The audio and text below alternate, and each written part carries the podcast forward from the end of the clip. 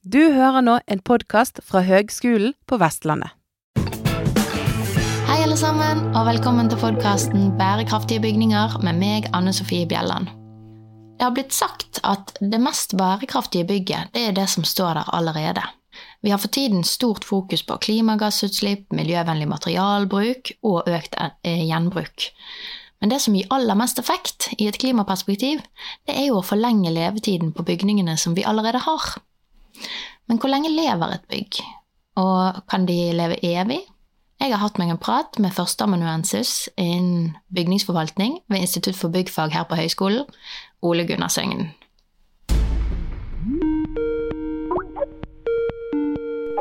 Hei sann, Ole Gunnar. God morgen. God morgen. Takk for at du vil ta deg en prat med meg. Du, jeg har et viktig spørsmål. Kan bygninger leve evig? Ja, hvis, du, eh, hvis vi tar noen eksempel eh, som, eh, som Pantheon i Roma, Mariakirken i Bergen eller stavkirkene våre, så mm. kan jo vi si at de ligger godt an da, i å kunne få et evig, evig liv. Mm. Men på generell basis, da? Ja, eh, altså jeg eh, har egentlig alltid interessert meg for dette med, med bygningers levetid. Altså hva er det som skjer med bygningene når de blir brukt? Mm. Eh, altså selve hele bygningen, men også bygningsdeler og eh, installasjoner. Eh, er veldig interessant å, å, å, studere. Det har vi på en måte studert eh, altfor lite, etter min mening. Eh, jeg er inspirert av ei bok som kom ut i 1994 eh, av Stuart Brand, en engelskmann som skrev en bok som heter 'How Buildings Learn'. Eh, og han, han skriver der at buildings have, have often been studied whole in space, but never before they have been studied whole in time. Og dette var på 90-tallet? Ja. Det er, da er jeg for så vidt godt i gang med min yrkeskarriere eh, og hadde stort sett jobba med den eksisterende bygningsmassen. Mm. Så det å, å få en, et sånt eh, eh, skrift som dette i handa og, og, lese om det på en måte Hadde sett dette ting, ting eh, i en større sammenheng og fått samla stoffet her eh, i denne boka, det var veldig inspirerende. Så, så det, det, det, gjorde jo at at eh, jeg på en måte fikk enda mer fokus på eh, dette med, med, levetid, og, og hvordan levetid er driver for dette med endringsbehov i bygningsmassen. Og det skal jeg altså komme tilbake til. Mm. Jeg, men jeg, jeg, har lyst til å litt, se litt tilbake i historien fortsatt. og det er jo at dette med å Og jeg nevnte jo stavkirkene våre. Ja. Eh, eh, det er jo fantastisk at vi, det vi har igjen, de 28 vi har igjen i Norge, at de er i så god stand. Og de er i så god stand fordi de er blitt vedlikeholdne jevnt og trutt gjennom hele sin levetid. Mm. Det er jo interessant at når stavkirkene var relativt nye, må vi si, i 1276, da Magnus Lagerbøter satt i den nye Håkonshallen i Bergen og skrev lover. Det var en, sikkert en, en, litt rolig tid for en konge. Eh, og Eh, der skrev han at eh, skrev han, I de lovene så står det faktisk eh, om, om stavkirken, og at er bønder som sogner til kirken, plikter å tjærebre kirken hvert tredje år om vinteren. Dette her, det er, det er essensen i å ta vare på eh, denne bygningsverdien her. Altså, Den definerer ansvar, den definerer frekvensen, og den definerer hvordan arbeid skal utføres. Ja, da har du vedlikehold i et nøtt, eller vedlikeholdsplanlegging i et nøtteskall. Veldig bra. Og hvis vi på en måte fortsetter den litt eh, med arkitekt Vitrivius, som også er, er vel kjent ute i, ute i verden, eh, en romersk arkitekt. Han, han, sa jo i sine skrifter at bygninger skal være førmålstjenlige, varige og vakre. Altså, Førmålstjenlige bygninger må være funksjonelle, Mm. De må kunne vedlikeholdes for å kunne bevare. Mm. Og, og, de må ha en estetisk kvalitet. De må ta omsyn til omgivningene. Mm.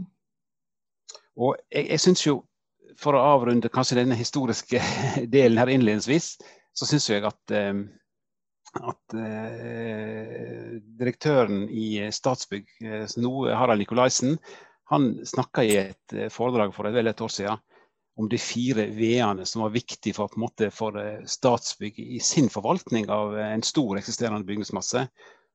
Og det var disse fire V-ene, altså verdig, varig, vennlig og vakker. Verdig fordi at en skal ha respekt for arkitekturen, mm. byggeskikk varig. Altså, det da handler det om bærekraft. En skal ha, lage løsninger som kan ha lang levetid. Vennlig skal være godt å komme til. En skal trives der. Skal være godt tilgjengelig. Og vakkert i en estetisk opplevelse. Mm. Ja. Det er fint, da. Men kan ikke du fortelle litt om den bygningsmassen vi snakker om nå, da? Ja, du, nå har jo jeg pekt på eh, de bygningsobjektene jeg har nevnt, har jo stor verneverdi. Ja, ja. Eh, sånn at, eh, at, det, er jo ikke, det er jo ikke der den store utfordringen ligger, egentlig. Det er jo den store grå bygningsmassen som omfatter sykehusene våre, skolene våre, eh, kontorbygningene, idrettsanleggene, kirkene og alle boligene, selvfølgelig. Ja, ja, ja. Eh, eh, og det er, jo, det er, jo, der den store jobben eh, egentlig ligger. Og det er, jo, det er jo slik at eh, vi må jo huske på at 80% av den bygningsmassen vi har i dag, den vet vi ganske sikkert at vi også vil ha i, i 2050 om 30 år. Mm.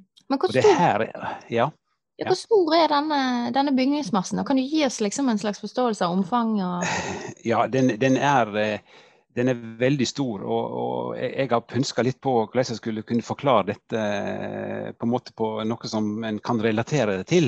Og, og hvis, vi, eh, hvis vi regner en sånn gjennomsnittspris på hver kvadratmeter, som vi vet litt om, så kan vi si at denne bygningsmassen er, har en verdi som er omtrent like stor som hele oljefondet vårt. Mm. og, det, og det, det, det, sier kanskje litt. Det er en enorm stor eh, verdi. Og her mm. står altså mm, Boligene de står for eh, opp mot to tredjedeler av dette. Mm. Eh, næringsbygg eh, for resten, kan du si. Men en gruppe som faktisk har vokst og blitt litt betydningsfull i de siste 20-30 åra, det er faktisk fritidsbostadene hyttene våre. Vi har bygd veldig masse hytter. Mm. Og, og av disse samla ca. 450 millioner kvadratmeter vi har i Norge, så, eh, så, står hyttene for 30 av dem. Selvfølgelig ikke det store, men det, det, det, var mye mindre tidligere, for å si det sånn. Ja, klart det.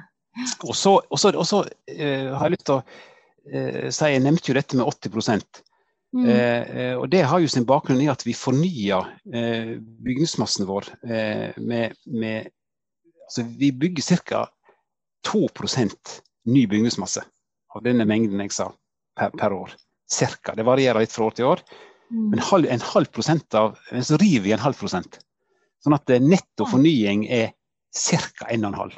Dette varierer litt igjen, ja. men ca. 1,5% Og det er det som gjør at vi kan si sånn ca. 80% i 2050. Altså minst, minst 80, minst 80 ja. eh, Og noen har også faktisk sett på eh, har vågd seg på å rekne ut hva gjennomsnittsalderen er på norske bygninger. Eh, ja. og, det, det, og den, det, er, det, står faktisk det står i stortingsmeldingen fra 2010. Der står det at eh, norske bygninger er cirka, blir ca. 78 år. Hva syns du om det tallet, da?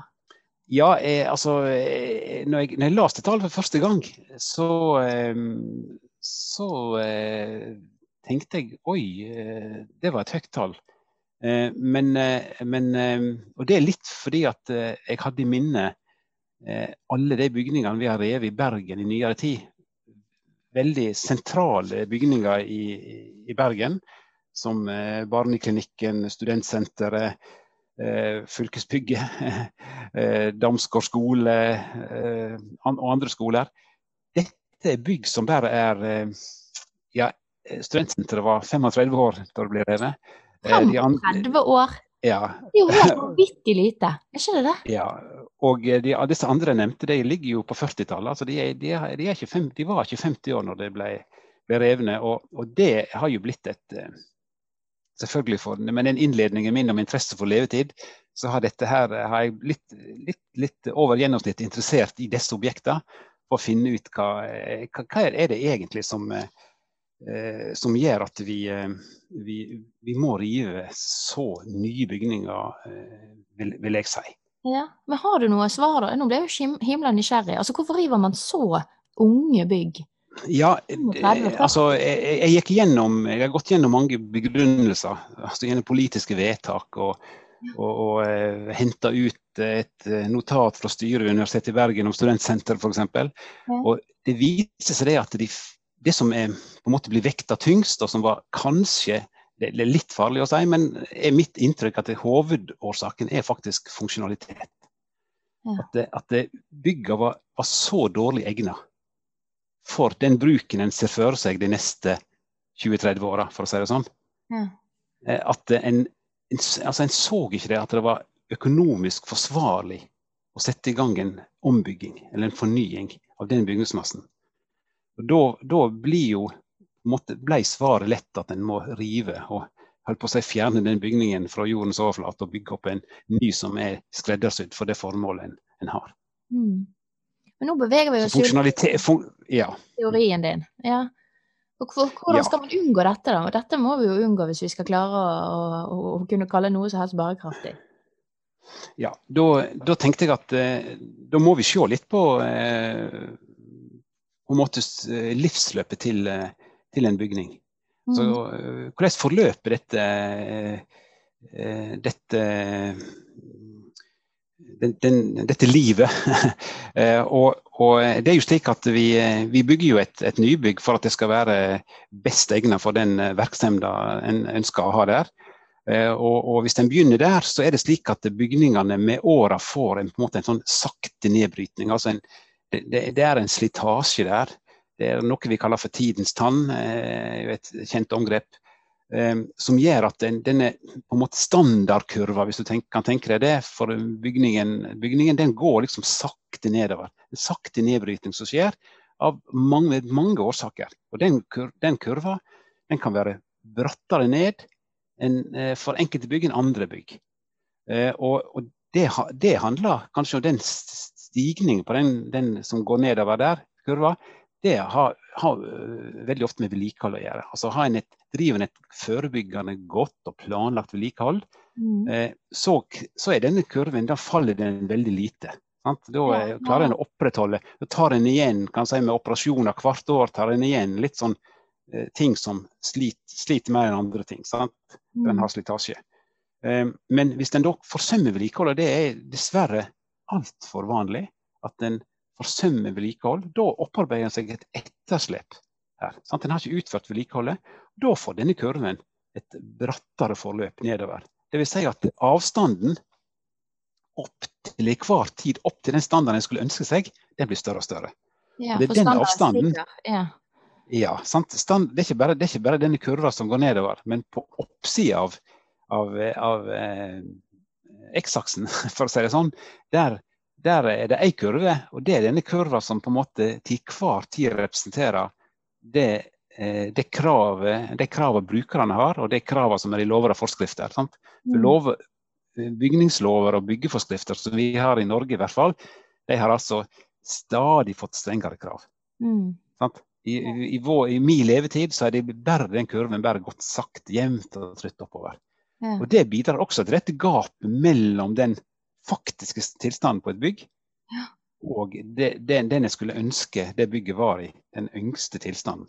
Ja, ja, og når den avstanden der blir stor nok, det er da det oppstår et behov for, uh, for en, en um, kanskje en, Da holder ikke det med vanlige vedlikeholdsoperasjoner. Da er det snakk om at en må, en må, eh, en må gjennomføre en ombygging. Det er da, en definerer ombygging på den måten. Eller en rehabilitering også, som, som mange kaller det. Yeah. Og, re og, rehabilitere betyr jo å gjøre frisk. sant? Altså det, Da tar du tak i en bygning som ikke er helt tilpassa, og så skal en eh, modernisere eller oppgradere denne bygningen til det yngste nivået. Ja. Så det vil, det så har, og så har du prosessen igjen. Ja, så begynner det på nytt. Det er litt sånn det vi ser på en del borettslag eh, rundt om nå, sant. Der man har hatt et vedlikehold, sant, og så kan det være av ulik kvalitet, og så ser man at nå trengs det faktisk en solid oppgradering for at boligene egentlig skal svare til dagens eh, funksjonskrav.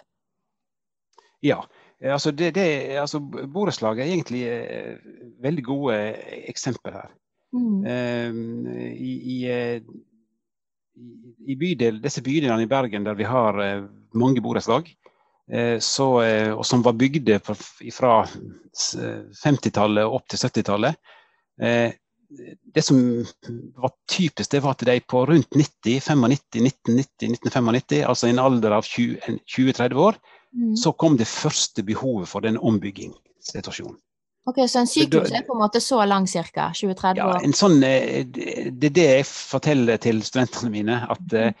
at eh, tenk 20-30 år. Dette vil variere. Vi har kontorbygg. Det er visstnok et kontorbygg i Oslo som blir bygd om ganske omfattende etter åtte, som er åtte år gammelt. Det er veldig ekstremt.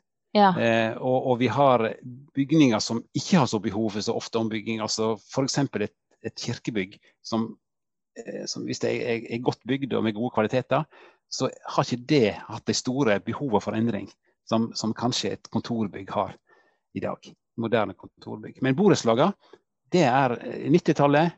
Da var det veldig sånn prega av energitiltak. Vi husker jo eh, enøk-perioden. Eh, og, eh, og, så er det typisk nå for disse borettslagene, i 2015, 2020, 2025 nå denne perioden her, ny runde med ombygging. Altså nye 20-30 år. Ja, ja. Da er det nye bygningsdeler. Altså typisk eh, eh, vann- og avløpsinstallasjoner som har eh, rør som eh, har typisk levetid på 40-50-60 år. Eh, da er de modne for å bytte stigerør, f.eks. Eh, det gjorde de ikke på 90-tallet. Det må de gjøre nå. Ja. Skjønner. Hm. Spennende, altså. Men ja, er det noe mer innenfor denne Altså, Eh, nå snakket vi jo om livsløpet, men altså det, det, det, er jo også en variasjon her, avhengig av bygningen og, og den enkelte bygnings tilpasningsevne. Ja, altså eh, der, der, er det en, en, en, en, der er levetid. Jeg har jo snart nevnt ordet levetid lang, eh, eh, mange ganger her nå allerede. Men levetid er definitivt en driver for et fornyingsbehov. Mm. Eh, og, og, vi snakker om, gjennom økonomisk levetid. Og økonomisk levetid det er på en måte det er den, den, den reelle tida det går før en bygningsdel, en komponent, en installasjon blir rett og slett bytta ut. Eh, den tekniske levetida kan være god del lenger enn den økonomiske. Men, men, men vi, må, vi, må, bytte den ut fordi at eh, ventilasjonsaggregatet er rett og slett ikke stort nok til å levere den luftmengden som er nødvendig. Mm. Eh, derfor må vi, må vi, eh, bytte til et nytt aggregat som kan levere den luften som etter de nye forskriftene vi fikk sant? Eh, på et eller annet tidspunkt, gjorde at det var behov for mer, for mer luft i, i, i, bygningen. Og, og dette, denne levetida for, for, for, ulike bygningsdeler, den, den, varierer. Altså, vi har jo en, en bygningskropp sant, som, som altså, i praksis eh, bør jo leve denne gjennomsnittslevetida vi snakket om, 78 år. Er, er det noe som har, har den levetida, så er det bygningskroppen. altså Fundament og konstruksjoner. Eh, etter mitt syn så, så bør jo en, eh, en bygge fundament og konstruksjonene, hovedkonstruksjonene i bygningene i dag eh, at de har en lengre designlevetid, som vi gjerne kaller det også, enn en det. Altså, eh, det har vært vanlig i Norge å, å, å rekne altså sånn beregningsmessig regne økonomisk levetid til 60 år for, mm. for bygningskroppen. Det mm. er, jeg mener at det er noe vi må bort ifra. Vi må, vi må, ønsker vi virkelig at bygningene skal leve lenger, og at vi skal slippe å rive så mange som vi har gjort i, nå i siste, i nyere tid, så må vi begynne der og virkelig sikre lang levetid på fundamenter og bærekonstruksjoner. Mm. Så, og, og denne, denne, levetida den varierer jo. Jeg nevnte bygningskroppen 50-100 år. sant? Eh, og, og, så har du altså eh, eh ventilasjonsanlegg 15-25 eh, år.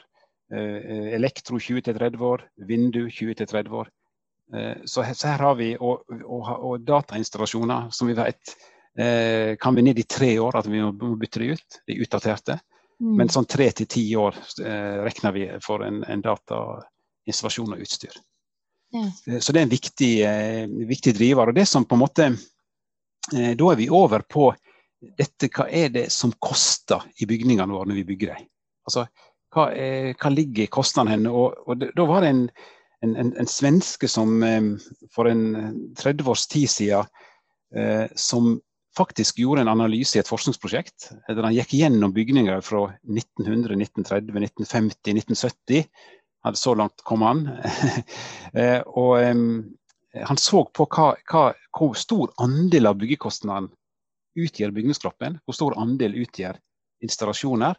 Og hvor stor andel utgjør det som han kaller for innredning. Så kan en tenke seg det. Innredning er på en måte resten. Ja, ja. Eh, Så, så, og, og i, eh, i 1900, bare eksemplifisere her, i 1900 så, så eh, sto bygningskroppen for 88 av hele byggekostnaden. Veldig lite installasjoner og lite Ja. innredning. ja, selvfølgelig. Man hadde Mens- ikke installasjoner. Ja.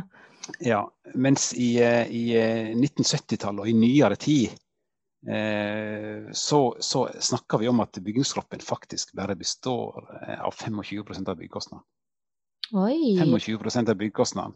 Ja, Mens er installasjoner? Mens, mens installasjoner i dag står for 40% av byggekostnadene. Aha, ok. Eh, Der, de- der, der de sto for, eh, for eh, kanskje 5-6 i, i år 1900. Altså. Det, Ja. det første badet i Norge og vannklosettet i Norge det kom i, på Slottet når kong Haakon kom til Norge i 1905. Og så ut ifra det du sa tidligere også, så er jo også installasjoner de står for mer av byggekostnaden, og de har kortere levetid.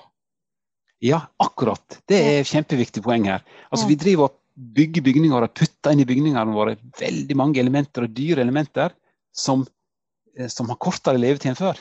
Ja. Og det driver jo dette fornyingsbehovet Ja. veldig eh, opp.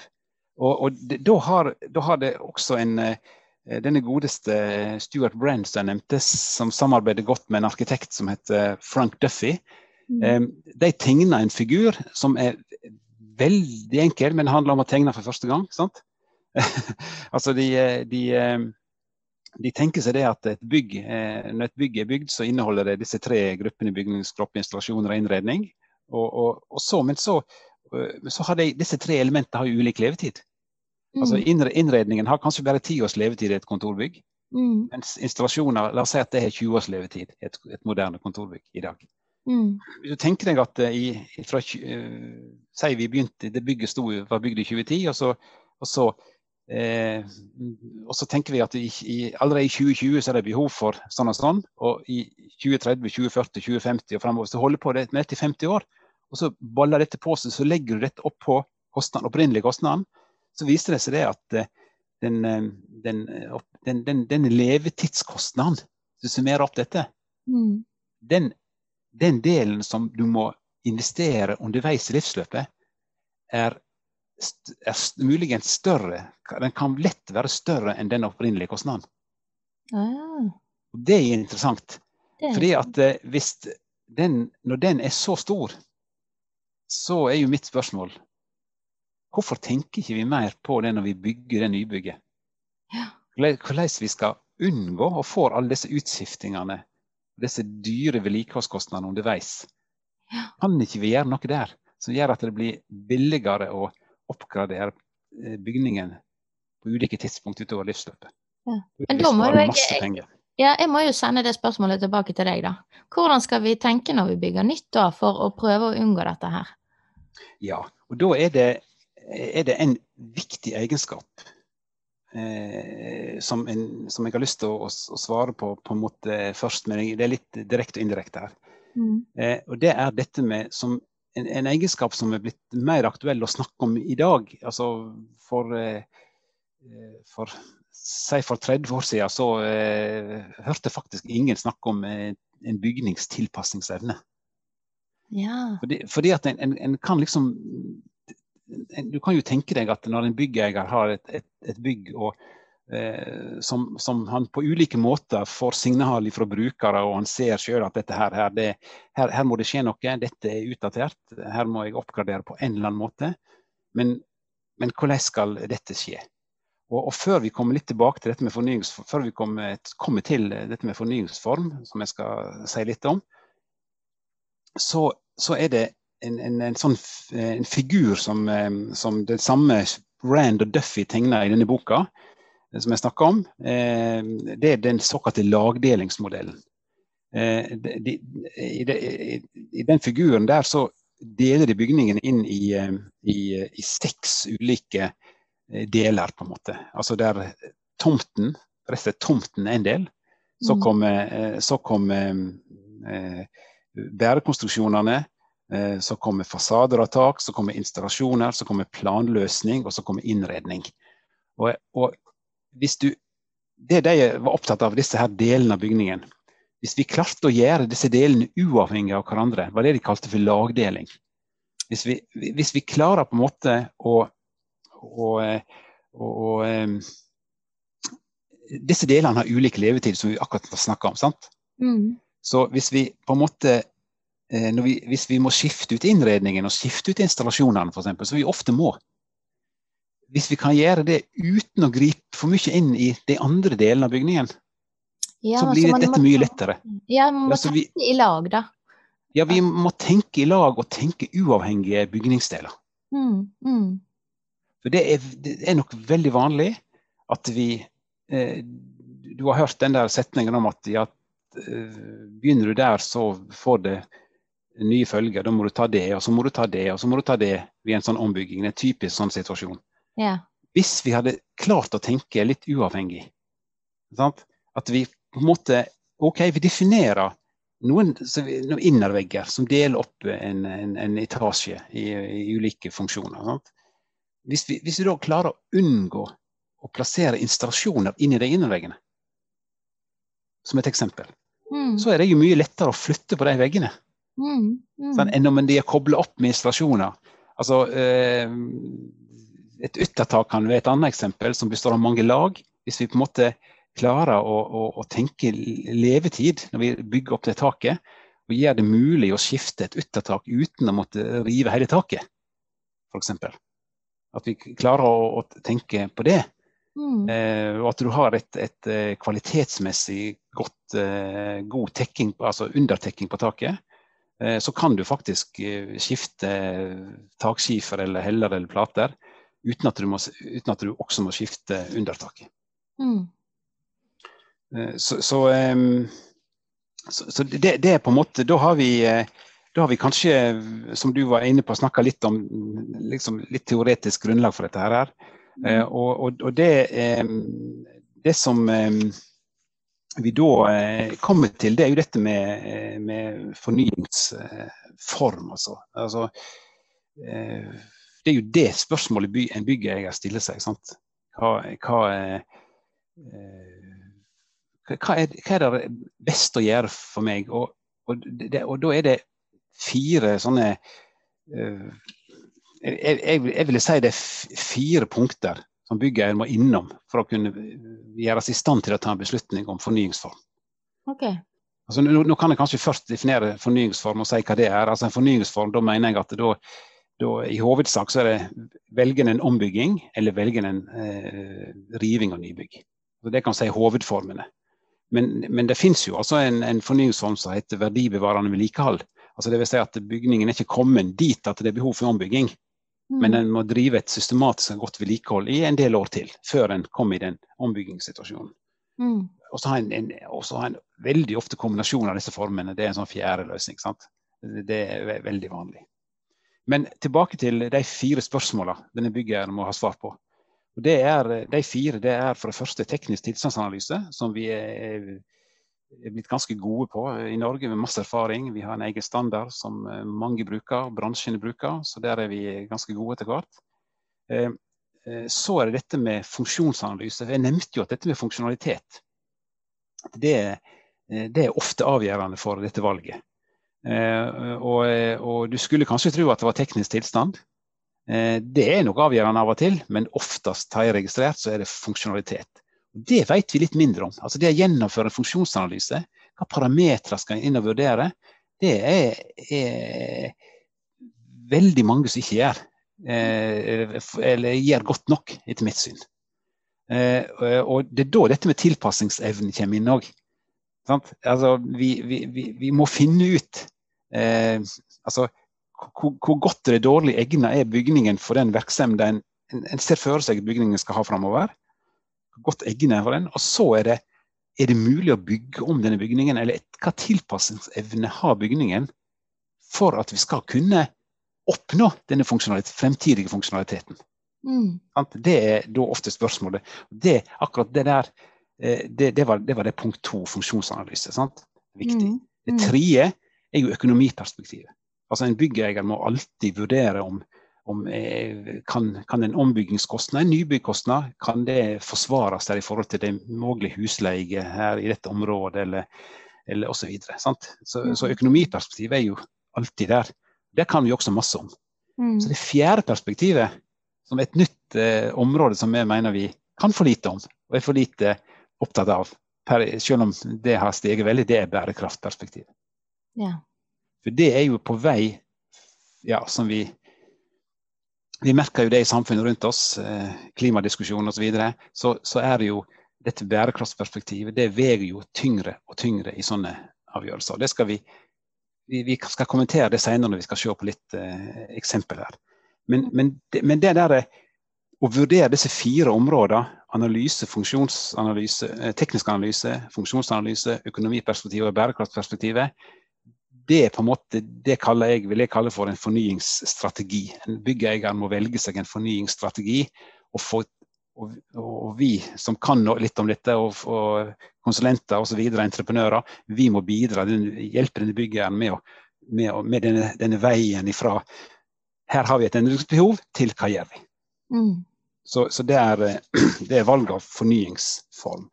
Og da har jeg lyst, Nå har jeg eh, sagt litt om tilpasningsevne og disse her levetida og sånn, men jeg nevnte klima. Ja.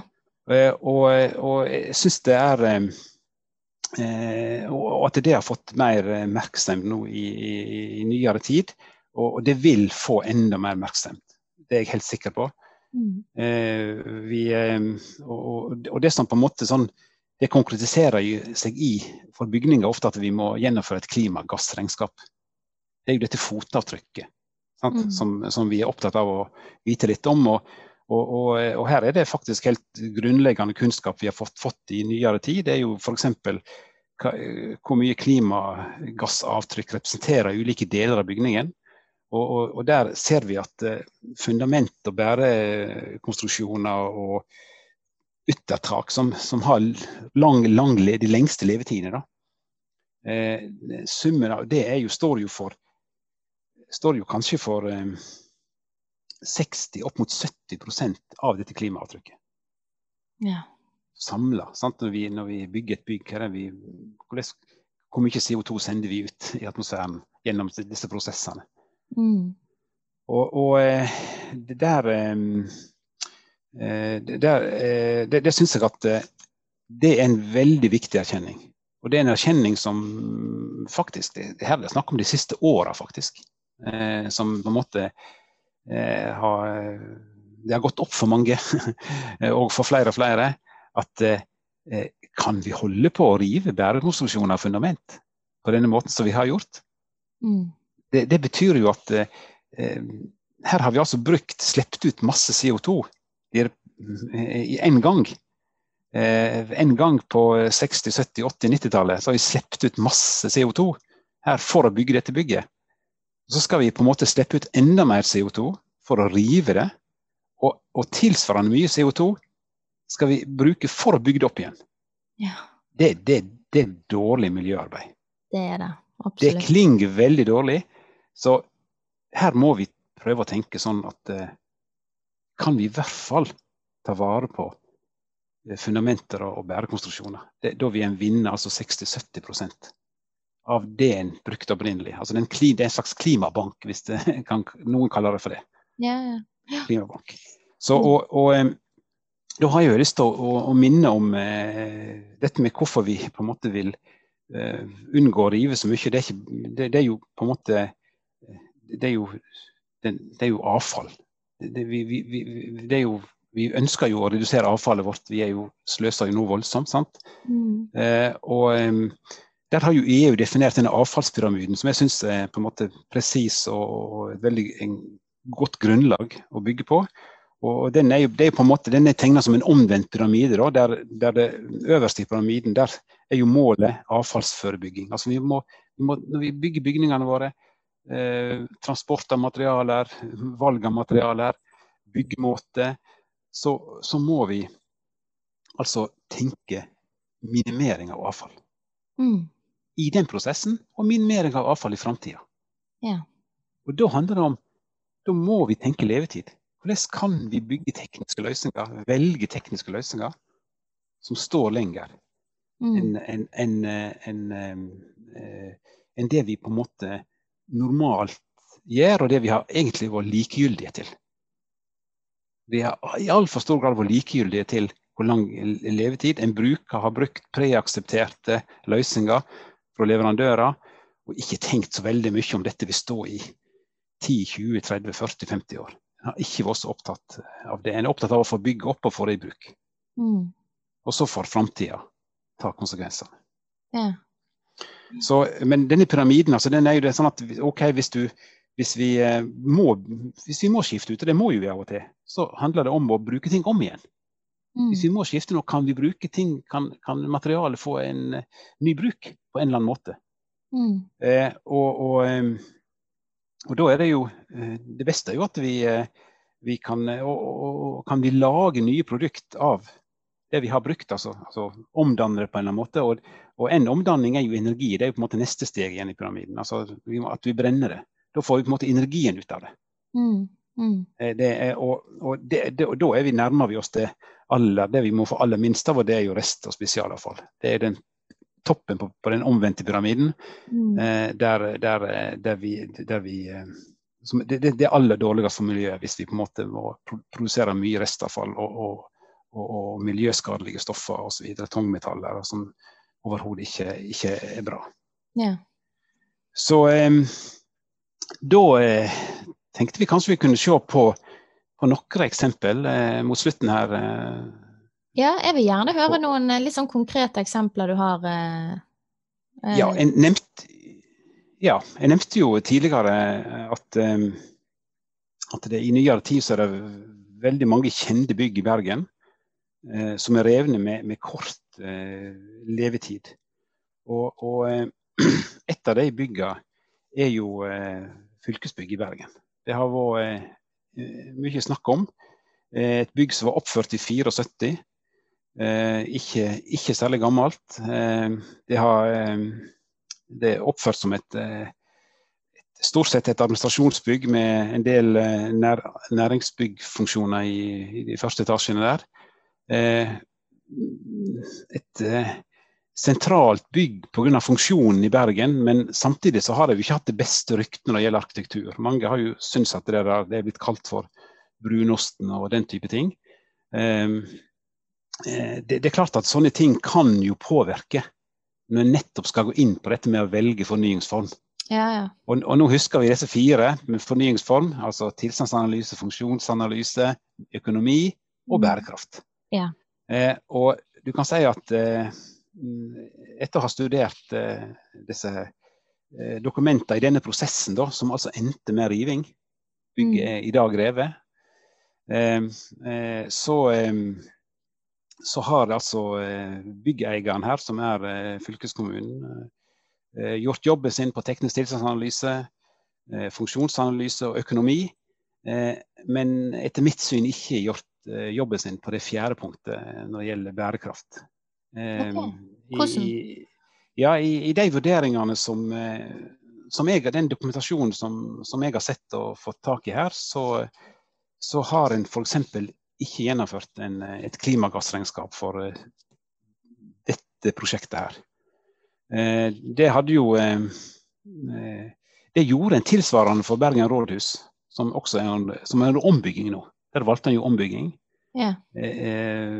og, og Eh, der ble jo klimagassregnskapet et argument i, når jeg skulle ta denne beslutningen mm. om fornyingsform. Det ble jo ombygging. Det er veldig vanskelig å vite hvor tungt det hadde, hadde vegd, vegd her i denne situasjonen. Men det, det, er klart at, at her Akkurat som på rådhuset så sleit en med, med mye bygningstekniske skader og mangler, lekkasjer. Det var lave takhøyder, kanskje mer utpreget enn i rådhuset. Lave takhøyder her her. Og en, eh, denne blokk nummer to som en alltid har tenkt kunne bygges her, den eh, viste det seg å være, iallfall etter vurderingene som ble gjort, vanskelig å fundamentere uten å måtte rive dette her mellombygget som vi kanskje husker, det lågbygget på, på fylkesbygget. Mm. Eh, så, eh, men klimagassregnskapet ble ikke utregna her. Så, så, her var det vel kanskje eh, Funksjonaliteten betydde nok eh, mye her òg. Eh, skulle en bygge om etasjen i høyblokka til eh, aktivitetsbaserte arbeidsplasser, så eh, med flere folk per etasje, så viste rømningsveiene seg å være for små i areal, volum. Det er klart det er alvorlig, men jeg ser heller ikke i den dokumentasjonen jeg ser ikke alternativer til det. altså det er alvorlig å ta en beslutning om å rive en så stor bygningsmasse. og Da hadde jeg kanskje forventa at en hadde utreda eh, de mulighetene, eller funnet flere alternativer da, til, eh, til, riving her. Mm. Sånn som jeg, jeg ser det. Mm. Men um, nå skal vi få tilbake et flott fylkesbygg, og det blir sikkert fint. Ja, vi får, vi får ja. runde fylkesbygget med det. Det blir nok bra. Altså, og det, det, nye har jo veldig uh, ambisiøse bærekraftsmål. Det er bare det at når det sto noe der fra før, så kan ikke du tenke på, på, på tomten som et blankt ark. Du bør faktisk eh, gjøre en bærekraftsvurdering med tanke på hva som allerede står der òg. Og det er det som egentlig ikke er blitt gjort der, da. Ja. Og da tenkte jeg du, eh, Anne Sofie, at jeg skulle se på uh, og et par ombyggingsprosjekt som jeg, syns er, er, gode eksempel. Ja, gjerne. Eh, og, og, og, og, skal begynne med, med Åsegården, som er faktisk nabobygget nord for eh, fylkesbygget som vi nettopp snakka om. Mm -hmm. eh, det, det, har jo en interessant historie. Det ble bygd i 1938. Det bygget de tre nederste etasjene ble bygd i 1938. Eh, så eh, eh, på 70-tallet, og det var jo en sånn ombyggingsperiode etterpå, Eh, så hadde jo en, en, en, ombygging Det var et stort behov for endring og sånn. Det en gjorde da, det var at en, bygde, en fikk lov til å bygge på det bygget tre nye etasjer.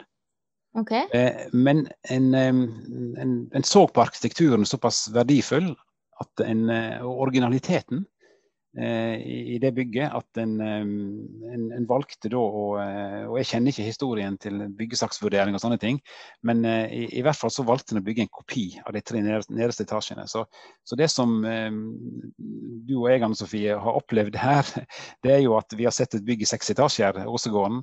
Og, og så ikke vi, kjenner ikke vi til den historien at den er faktisk bygd i to etapper. Nei, artig. Og, og så i 2012, altså en ny sånn ombyggingsperiode, så eh, dukka jo det, dette ombyggingsbehovet opp igjen. Hva skal en gjøre? Eh, da ble jo riving vurdert. Eh, for her har en ikke så høye etasjehøyder som en burde ha. En fikk problemer med, med å plassere tekniske anlegg, eh, typisk, eh, osv. Men så søkte en om, og byggeier søkte om å få bygge på to nye etasjer. Altså fra 6 til 8 etasjer. Eh, og det fikk en lov til her. Det ble bygd da naturlig nok i lette konstruksjoner. For det, det etasjen under skal jo tåle, fundament skal jo tåle to nye etasjer. Mm. Det gjorde det. Eh, og en bygde to lette etasjer på toppen eh, i definitivt en kontrast. Men en innretta seg etter formene på bygget. Det, det, er jo en sirkulær bue i, i, nord her på dette bygget. Og en innretta seg helt etter det. Og bygget fremstår som egentlig et ganske sånn spennende bygningsobjekt. Det er nesten sånn litt internasjonale dimensjoner over det, syns jeg. Jeg har sett en del sånt i utlandet, i Paris og sånn. Sånne kontraster som er tilføyd eksisterende bygningsmasse. Mm. Um, og, og, eh, det som ble sagt her, uten at jeg har fått uh, så veldig masse informasjon, men, men, jeg har fått høre at uh, de to øverste etasjene, de, de gjorde både at en økonomisk kunne forsvare dette, at en kunne forsvare en ombygging, Samtidig så løste det en del tekniske problem med installasjoner og sånn, som en ikke kunne få løst de seks nederste. Så en utnytta den nye muligheten oppe. Ja. Så, så det, det, det syns jeg var en, en, en, et, et, interessant objekt som eh, mange burde studere når de står framfor sånne, eh, sånne avgjørelser som dette. Ja, Vi får kikke på det når vi går forbi, folkens. ja. Og så, eh, det siste da jeg tenkte skulle komme inn på, det er eh, Solheimslien burettslag. Ja, dette store fargeriket vi ser oppe i, i Solheimslien der. Ja, det er jo et av Bergens største eh, borettslag. Eh, 330 leiligheter ble bygd der i, eh, på, på, på 70-tallet. Eller slutten av 60-tallet, var det kanskje. Eh, og det har jo det i, i de siste fire, snart fire åra gjennomgått en det, det jeg vil kalle faktisk en transformasjon. Eh, altså det er jo en typisk ombygging, egentlig, eh, med, eh, med nye fasader og inngangspartier og, og, og eh, isoler, varmeisoler, bedre varmeisolering og, og, nye vinduer og alt det der. Installasjoner.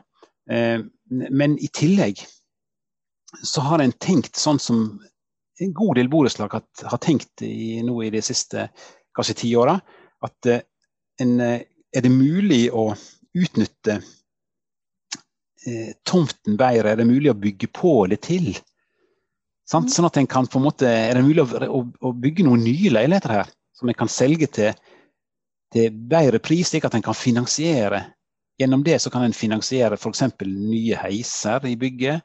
Eh, en kan kanskje spandere på seg eh, litt dyrere fasadematerialer og sånne ting f.eks. Eh, og det er, jo, det er, jo, det en har gjort her. For her har han faktisk klart å på, i, i underetasjer på lågblokkene her, og i, på toppen av høyblokkene så har en, en bygd nye leiligheter. Som, som en har, har solgt til en grei pris på, på, på, markedet. Så det er det jeg tenker at her har en altså altså Når du går opp der, så kjenner du det rett og slett ikke igjen det, det, her, her, her, her, fremstår det flotte, moderne blokker som ikke skjeler seg fra nye blokker som blir bygd ellers. Eh, nybygg. Eh, eh og, og, du, du, og, det er spennende arkitektur. Gode, gjennomtenkte løsninger med nye rømningsveier som deler opp fasader, store fasader, lange fasader her. Eh, og, du, eh, og du vet at her er det her er det gjennomført energieffektivisering. En har, eh, en har, klart å finne løsninger på det som var veldig sjenerende her oppe. Det var at det grodde veldig mye på veggene pga. nærheten til skogen der oppe. Mm. Fasadene ble veldig tilsmussa. Um, og, og, nå har en funnet platematerialer som er så glatte, til dels glatte, og iallfall har en, ikke, ja, har en, på en måte en egenskap som gjør at det, dette ikke skal skje igjen. Det har også med fargevalg å gjøre. Altså, relativt mørke fasadeflater vil jo føre til mindre groing, fordi at de blir varmere av sola og sånne ting. Og da får ikke groing så lett tak. Um, og, og, og, og, dette her er uh, Men det er altså betydelige investeringer. Ja, ja. Altså, altså vi, vi, eh, her er det altså i gjennomsnitt 1,2 millioner per leilighet som blir investert. Mm. Eh, samtidig så, så, kan du jo si at det ville jo kanskje ha kosta eh, minst 3 millioner, 3-4 millioner å bygge det leiligheten hvis det er bygd nytt. Sant? Så, så det er, eh, det er, eh,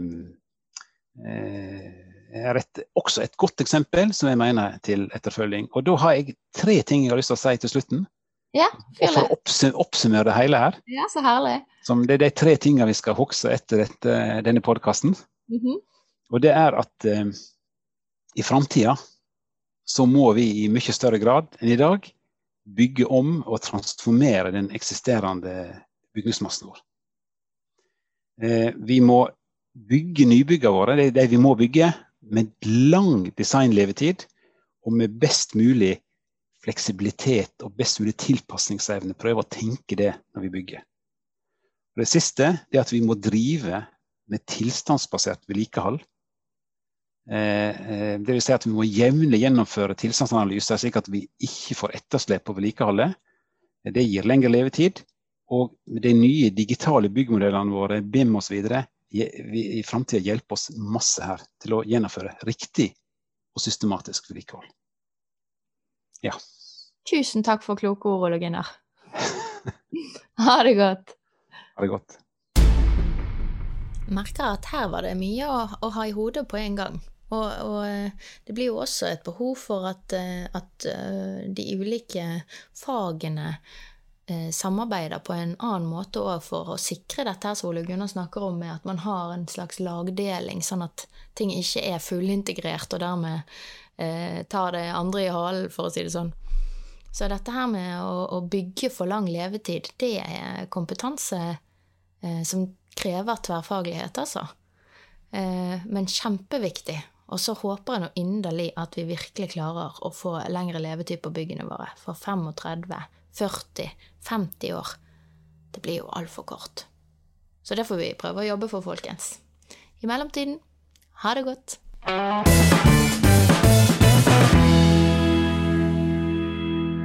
Du har nå hørt en podkast fra Høgskolen på Vestlandet. Du kan høre flere podkaster fra oss ved å gå inn på nettsiden hvl.no. slash podkast.